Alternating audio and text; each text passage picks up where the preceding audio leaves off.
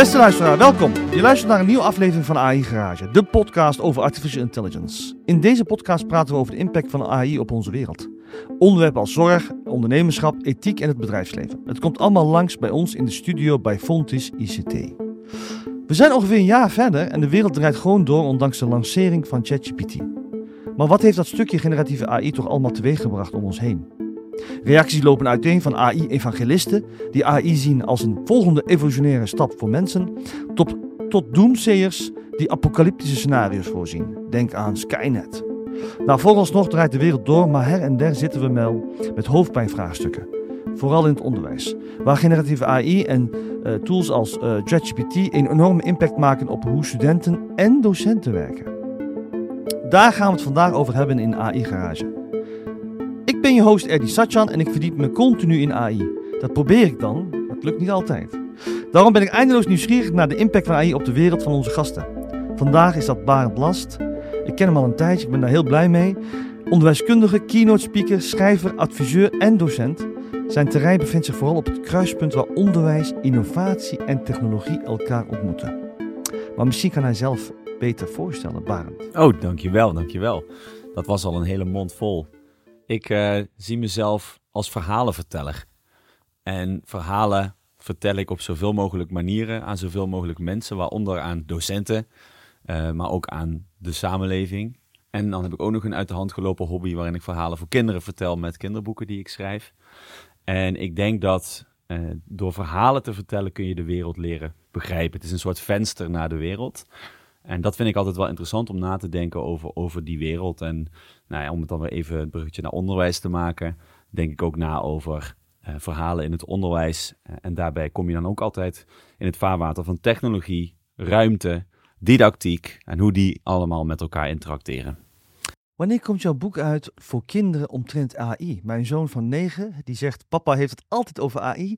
Ik heb ook voor de Jeugdjournaal wat verteld en ook voor een kindercollege. Het is echt best wel een uitdaging om dit toe te lichten. Dus ik ben, ik, ik weet, ik, ik overval je misschien, maar ik hoop echt dat je er iets mee gaat nou, doen. Ik, ik zal eerlijk eh, bekennen, ik kan er niet te veel over zeggen, maar ik ben bezig met een idee. Ja, ja, ja. Ik denk dat er zijn al hele mooie boeken voor kinderen die over digitale geletterdheid gaan. Uh, Remco Pijpers is daar een uh, auteur van, die ken je wel, die werkt bij Kennisnet en die schrijft kinderboeken over digitale dingen en hoe je moet omgaan met mobieltjes, maar dan in een verhaal verpakt. En dat vind ik prachtig en ik, ik laat me daar graag door inspireren. Um, je bent expert in blended learning. Ik heb net uh, de podcast uh, beluisterd van Chip, uh, waarin je ook het een en ander toelicht. Ik, eh, we gaan het toch even kort daarover hebben. Kan je uitleggen wat blended learning eigenlijk is, wat voor jou is, zoals de luisteraars, zodat luisteraars een beter beeld krijgen van je achtergrond? Ja, zeker. Blended learning, een begrip dat soms wat vaag kan zijn. Ehm, het is een begrip dat door iedereen anders gedefinieerd kan worden. Dat vind ik zowel de kracht als de zwakte ervan.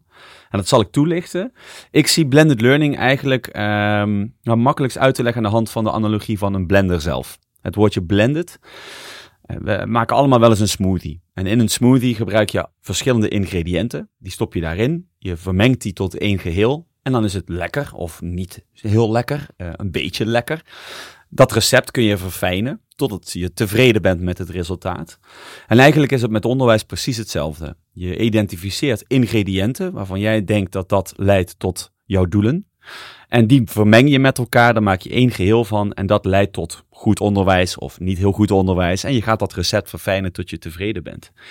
Um, het recept voor jouw beste blend is voor iedereen anders. Dus jij maakt een blend op basis van jouw context, jouw doelgroep, jouw middelen.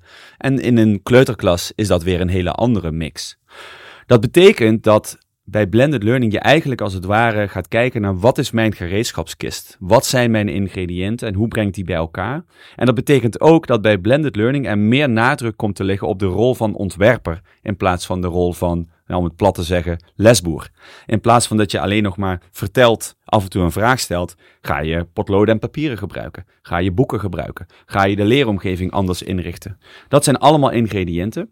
Maar wat het lastig kan maken, is dat elke keer als je zo'n nieuw ingrediënt gebruikt, vraagt dat ook iets van jou als docent. Namelijk ten eerste dat je ermee leert werken met dat nieuwe ingrediënt.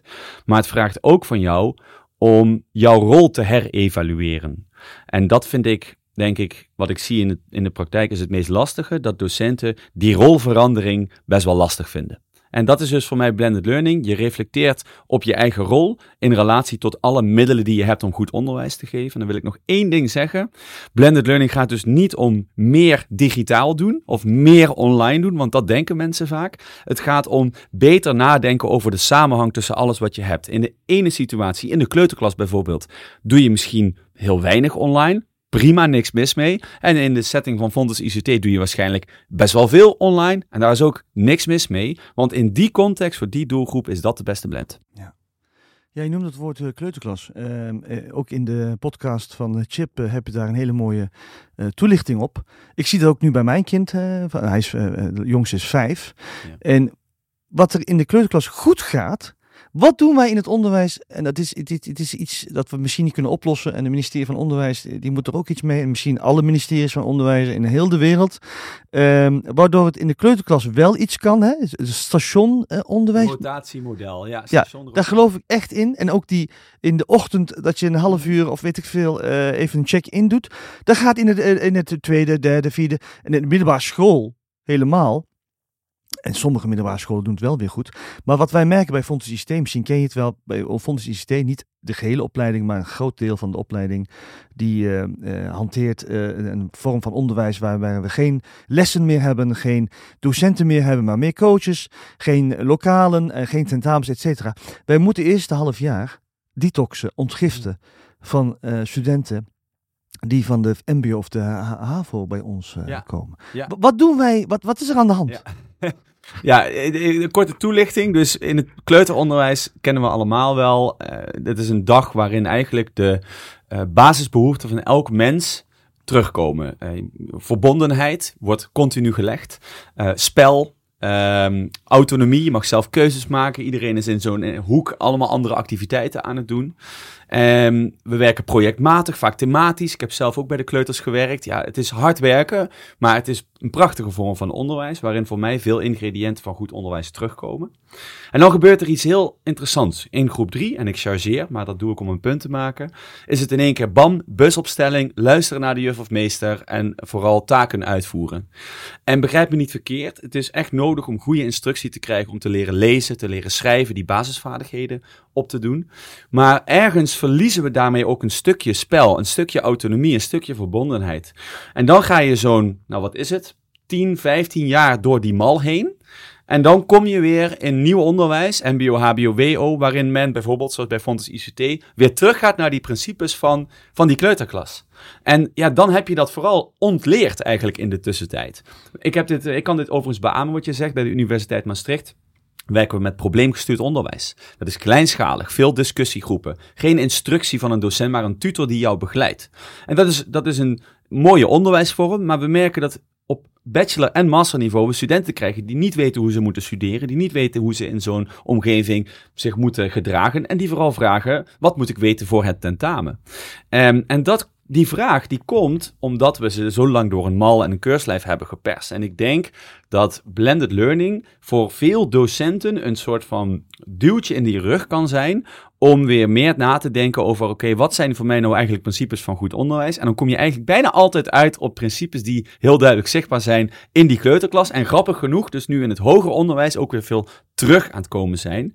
Maar het veranderen van die mal daartussenin, het basisonderwijs en het voortgezet onderwijs, dat is gewoon heel lastig. Omdat je te maken hebt met een megasysteem eromheen, de overheid, de onderwijsinspectie, kaders en natuurlijk ook docenten die zelf in zo'n systeem zijn opgegroeid. En dat is hun referentiekader. Dus je moet ook, dat zeg ik ook altijd bij blended learning, wat het zo moeilijk maakt om, er, om het in de praktijk te implementeren, is dat je je mindset moet veranderen. Je moet niet meer denken in termen van wat ga ik doen, je moet denken in termen van wat gaat de student of de leerling doen. En dat is echt een perspectiefwissel die gewoon best wel lastig is om, om te maken.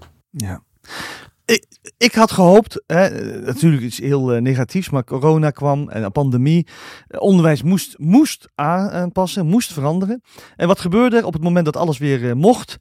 We gingen weer terug naar hoe het was. En onze podcast heet AI Garage. Dus ik wil ook meteen de brug daarin doen.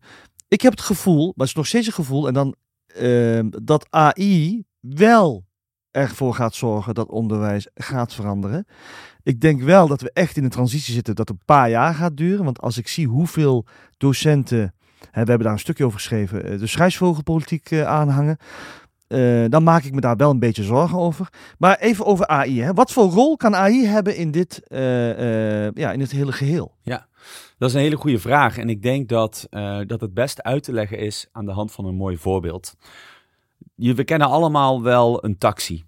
En een taxi uh, is een, een heel oud beroep. Uh, sinds we auto's hebben, mensen brengen je rond en daar betaal je voor.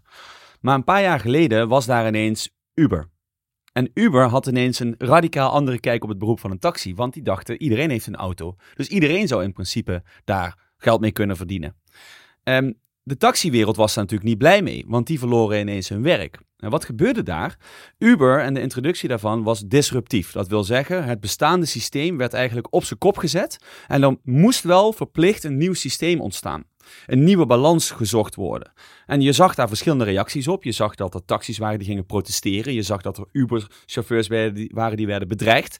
Uh, maar uiteindelijk is daar een soort nieuw, met een duurwoord, equilibrium ontstaan. Een nieuwe balans. Um, waarin dat systeem dus zichzelf heeft aangepast.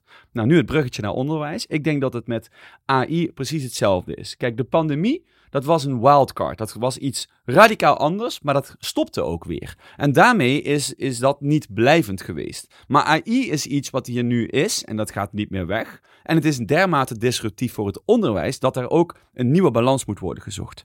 Nou, je ziet nu dezelfde soort reacties. Er zijn docenten die zeggen: Boah, ik weer dat uit mijn klaslokaal, ik verbied het. Er zijn andere docenten die zeggen: Hey, kom maar op, ik ga ermee aan de slag. En alles daartussenin.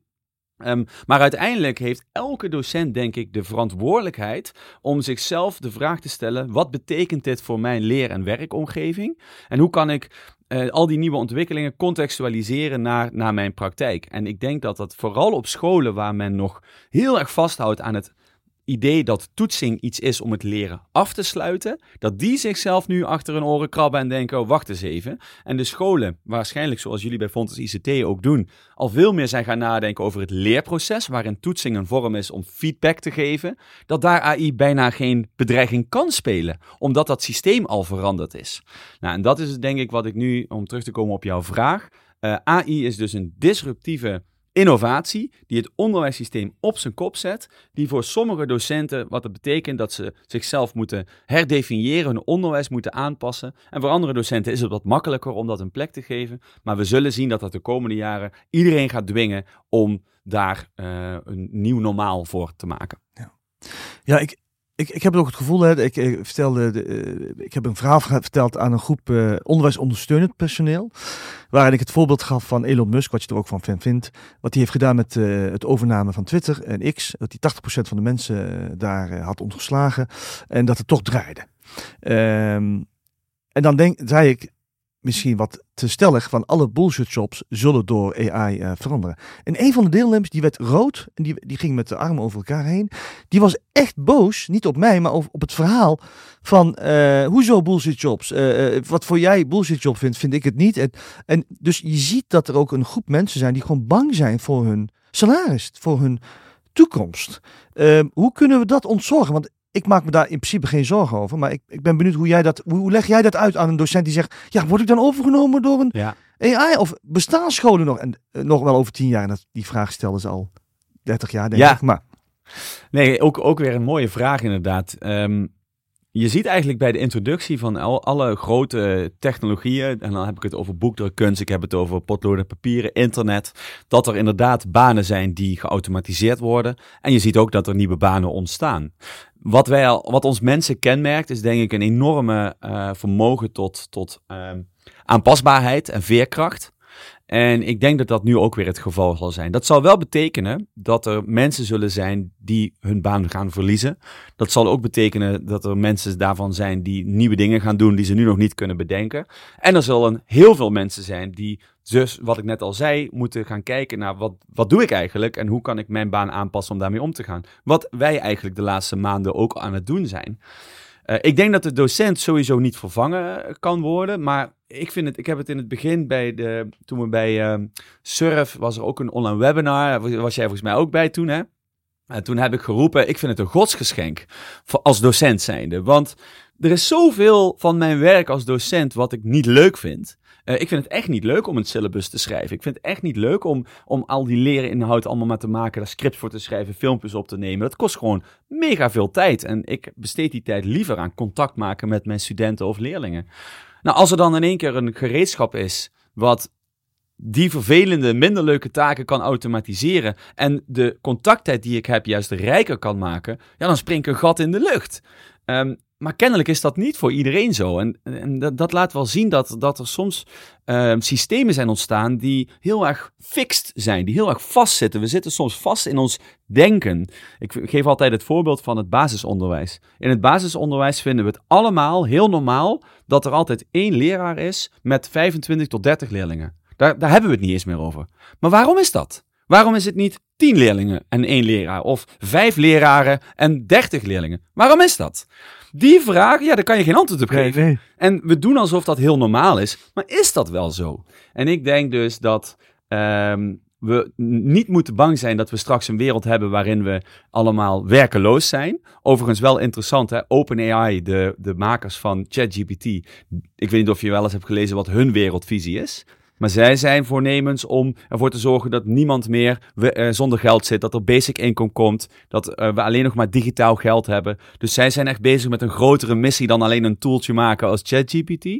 Um, maar uiteindelijk denk ik wel dat we moeten kijken naar hoe kunnen we die ontwikkelingen van AI zo inzetten dat we ons leven verrijken.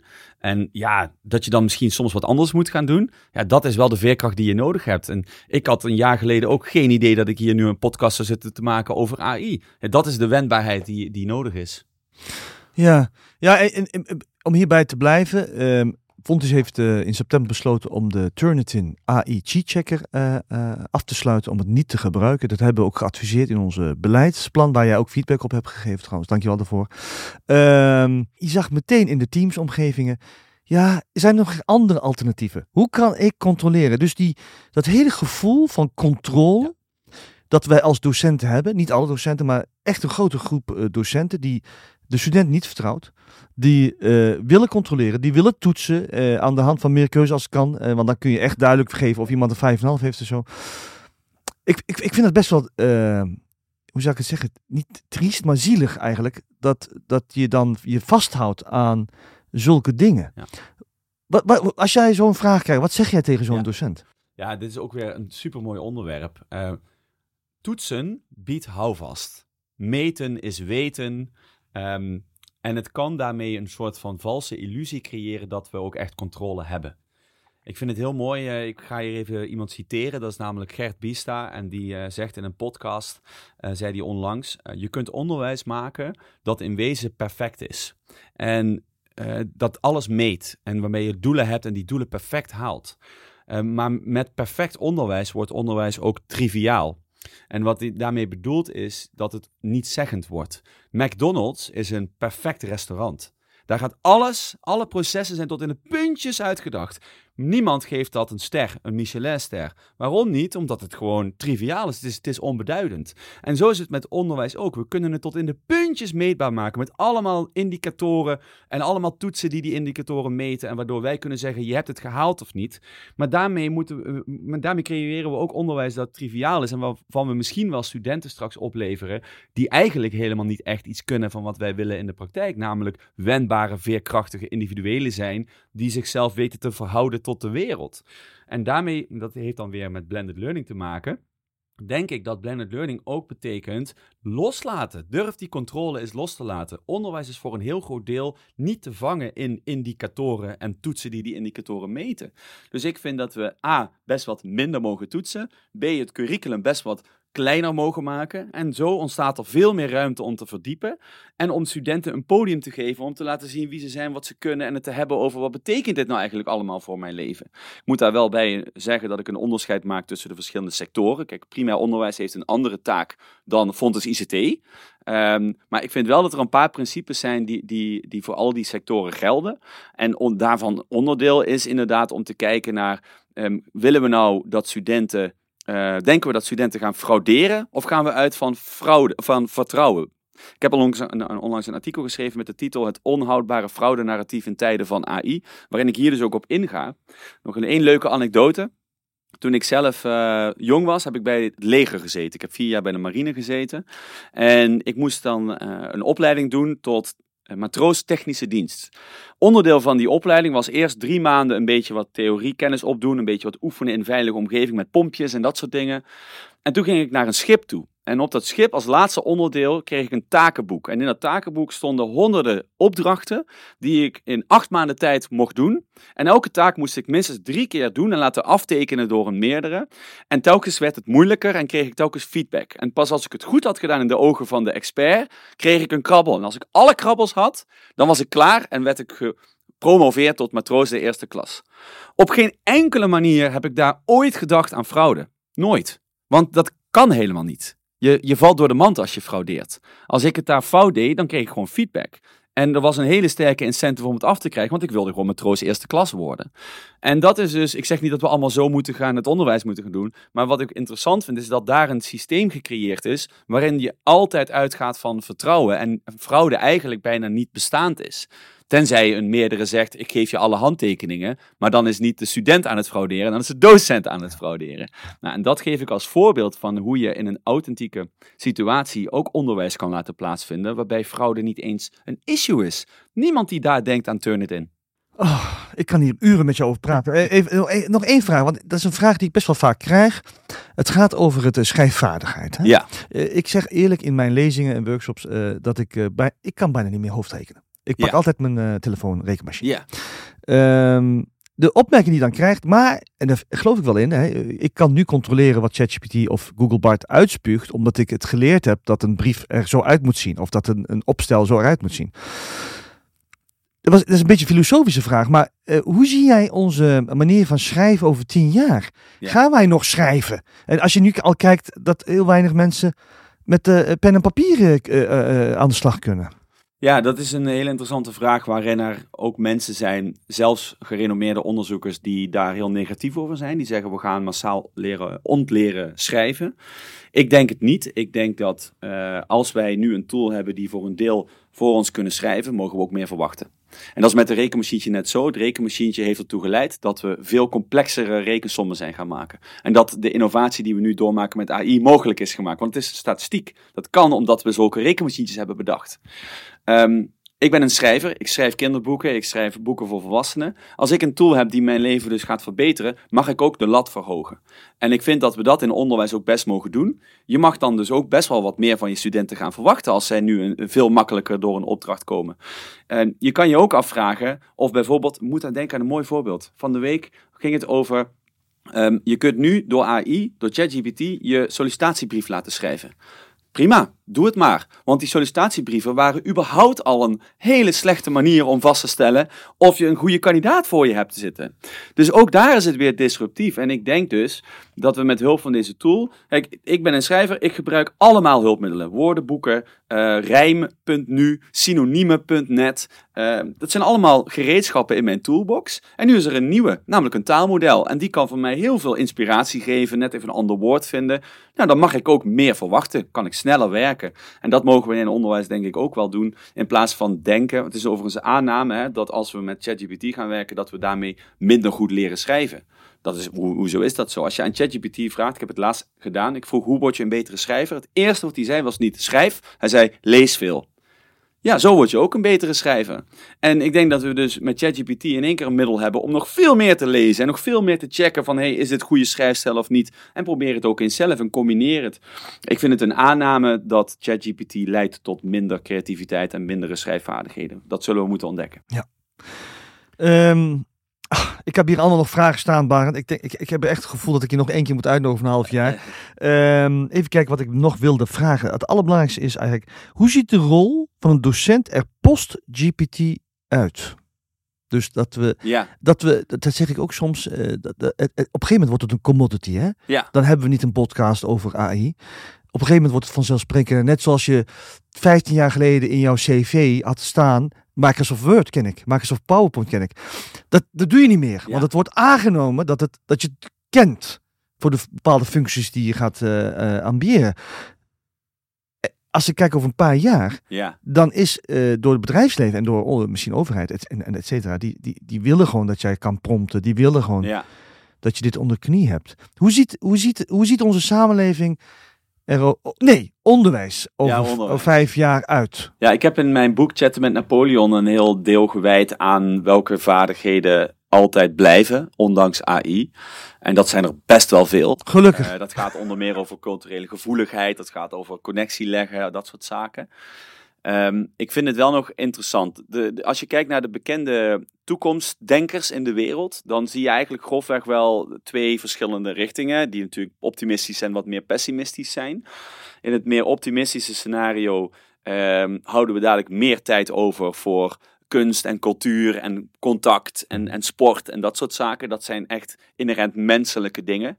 Ehm, en in het onderwijs denk ik dus ook dat door allemaal die vervelende dingen te, te automatiseren, iedereen een AI-tutor te geven die op elk moment iets kan uitleggen, hebben we dus wel meer tijd over om met elkaar te zitten en het te hebben over wat is eigenlijk de zin van het leven. En wat ga je eigenlijk doen? Wat wil je eigenlijk worden? En dat soort zaken.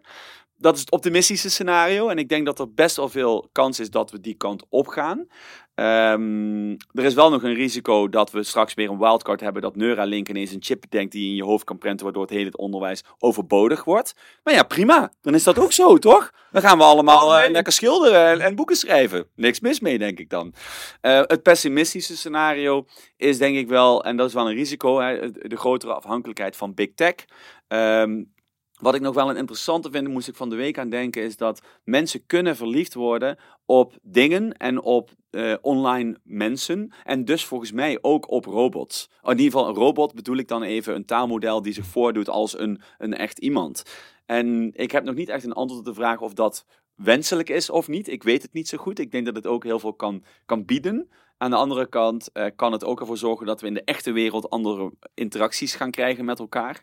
Ehm, in het negatieve scenario, en dat heb ik overigens bij het project Future Campus, wat ik voor Surf doe, ook eh, gedaan. Er is één scenario waarin we helemaal in het doemdenken zijn gaan denken. Ja, en dan zie je dat voornamelijk die grotere afhankelijkheid van big tech en een grotere kloof tussen arm en rijk en digitaal vaardig en, en niet vaardig, dat dat echt toe gaat nemen. En daar maak ik me wel, wel eens zorgen over, omdat je nu al ziet dat er al een enorme digitale kloof in de samenleving is. Zo'n 20% geloof kan, kan niet helemaal mee met de digitalisering. Ehm, dus ik denk dat we ook moeten voor moeten waken dat we niet te veel in de elite, eh, en in die zin zijn wij ook onderdeel van die elite. We hebben goede banen, we, zitten, we bevinden ons in het onderwijs, we zijn ehm, bezig met het contextualiseren, we kunnen dat betalen. Maar er zijn ook echt mensen die niet mee kunnen komen. En dan vraag ik me wel eens af of, of dat eh, niet de negatieve kant op kan gaan. Dus ja, het is, het is optimistisch en pessimistisch kan je het bekijken. We hebben nu de verantwoordelijkheid om te kijken waar willen we heen. En wat vinden wij wenselijk en onwenselijk? En wat kunnen we nu al in het heden doen om daar te komen? En dan weer even het bruggetje te maken naar blended learning en AI. Denk ik dat in ieder geval nodig is om heel erg te demystificeren. Van wat is AI wel, wat is het niet? Het is niet een robot zoals Skynet wat de wereld gaat overnemen. Het is een statistische rekenmachine voor woorden. En dat is super handig, zeker in combinatie met andere tools. Maar het heeft geen bewustzijn. Dat vind ik een hele belangrijke. Ten tweede vind ik het heel belangrijk dat instellingen haar docenten eh, stimuleren, faciliteren. Zet kleine pilots op, ga innoveren, ga uitproberen. Vraag aan je studenten wat vinden zij ervan. Eh, en dan vind ik ook dat we op nationaal niveau moeten gaan kijken, kunnen we hier ook op reguleren? Want ik vind het best wel belangrijk dat we tegen Big Tech zeggen van hé, hey, wacht eens even, waar komt die data vandaan? Hoe kom je tot een antwoord? En, en, eh, wat vinden wij daar eigenlijk van? En hoe beschermen we onze publieke waarden? Nou, en, en dan zie je dus dat je op meerdere niveaus acties gaat ondernemen. En dan denk ik dat we dat optimistische scenario wel kunnen bereiken. Ik hoop het ook, eh Barend. Eh, nog één laatste vraag. Wil je nog één ding weggeven? Eh, wil je nog iets vertellen eh, wat ik nog niet heb gevraagd? Wat je eigenlijk vandaag wilde Ja. doorgeven? Nou, voordat wij de podcast begonnen, hadden we het over dat iemand zei AI is dom. En dat vond ik een hele interessante zin, omdat het voor mij eh, uitgaat van antropomorfisme, oftewel het toekennen van menselijke eigenschappen aan niet-menselijke dingen. En ik haal dan altijd die quote erbij van eh Jaron Lanier, hij is technofilosoof, en hij heeft een prachtige quote waarin hij zegt, eh, ja, het is heel gek om AI met de mens te vergelijken. Het is een beetje hetzelfde alsof je een, een auto met een, met een hardloper vergelijkt. Natuurlijk kan een auto harder gaan dan een hardloper, maar we noemen het geen betere renner. Dus het is ook heel gek om AI dom of slim te noemen, want het is nou eenmaal niet een mens wat dom of slim kan zijn. Het is puur een hele handige tool voor heel veel dingen, met ook heel veel keerzijden. En daar moeten we vooral naar kijken en niet naar een Skynet die de wereld gaat overnemen. Fantastisch. Barend, hartelijk dank. Ook voor je aanwezigheid eh, en voor je prachtige verhaal. En alsjeblieft, pak zijn, uh, koop zijn boeken. Uh, Chatten met Napoleon, heel handige boek. Die echt stap voor stap uitlegt hoe je als docent onderwijs het een en ander kan veranderen. AI is, om Thanos uit de Avengers film te parafraseren, onvermijdelijk. Je kop in het zand steken, het negeren en verbieden is zinloos. Bovendien is dat een strijd zonder einde die je uiteindelijk verliest. We moeten meebewegen in het onderwijs en AI inzetten om slimmer te werken en de docentenrol juist te versterken op mentorschap en coaching, op taken die AI niet goed kan. Het onderwijs was al enorm aan het veranderen. AI biedt het de kans om het echt te transformeren. Heel erg bedankt, beste luisteraars. Fijn dat jullie erbij waren en blijf ons volgen, want binnenkort komt er weer een nieuwe aflevering. Voor nu, tot snel. Dankjewel, Barend. Dankjewel.